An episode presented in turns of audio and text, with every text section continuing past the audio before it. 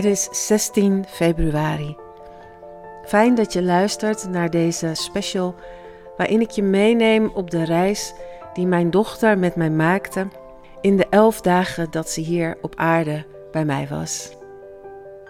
Elke dag maak ik een kleine podcast waarin ik je vertel over hoe het die dag ging, maar waarin ik ook terugkoppel naar hoe het vandaag de dag met mij gaat en hoe daarin zich een proces afspeelt waarin ik alles wat ik in die reis met me meegenomen heb kan toepassen.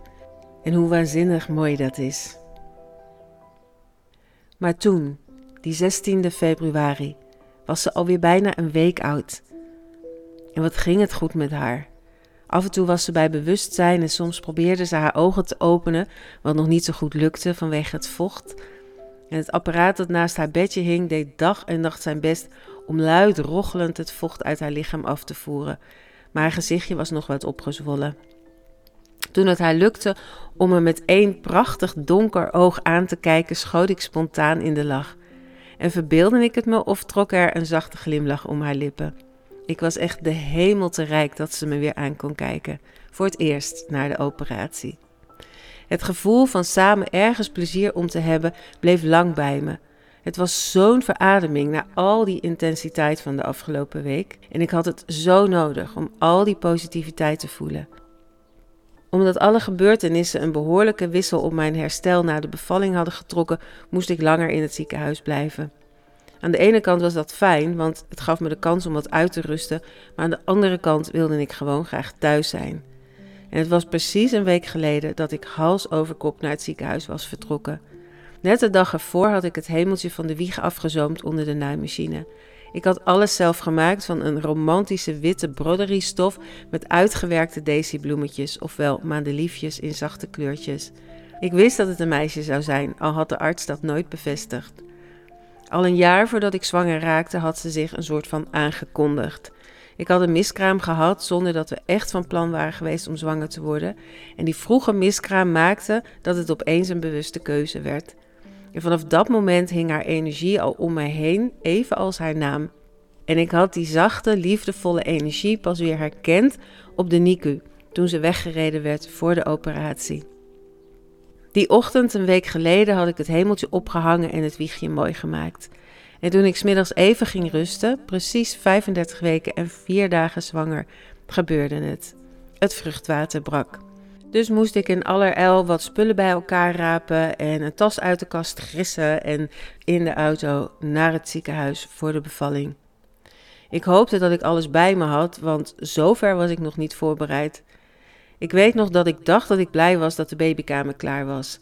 Wat ik niet wist, was dat mijn baby daar nooit in zou liggen, in dat perfect opgemaakte wiegje. Dat mijn lichaam eigenlijk ook nog niet klaar was voor de bevalling, bleek uit het uitblijven van persweeën. Het was inmiddels middernacht toen de baarmoeder klaar was om het kind, wat ze acht maanden lang liefdevol verzorgd had, los te laten en aan de wereld te schenken. Was ik het die er niet klaar voor was, of mijn lichaam? Of beide? Hoe het ook zij, ik moest gaan persen op gewone weeën. Om de kracht van een perswee na te bootsen, klom de verpleegster op een krukje naast mijn bed en duwde met haar volle gewicht op haar elleboog op mijn buik. Om zes minuten voor twee hield ik haar in mijn armen.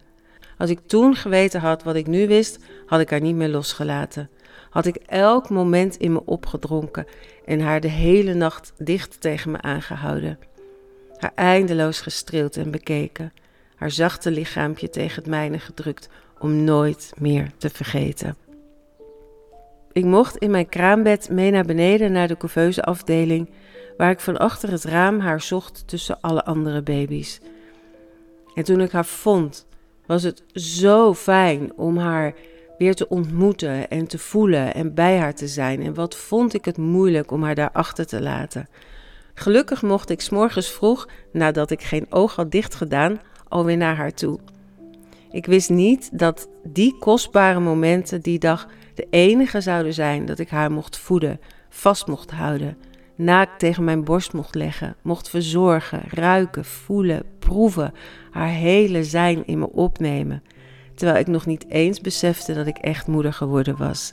Had ik geweten wat zou volgen, dan had ik daar de hele dag gezeten en haar nooit meer losgelaten. haar omarmd en lief gehad. Eindeloos lief gehad. Maar ik wist het niet.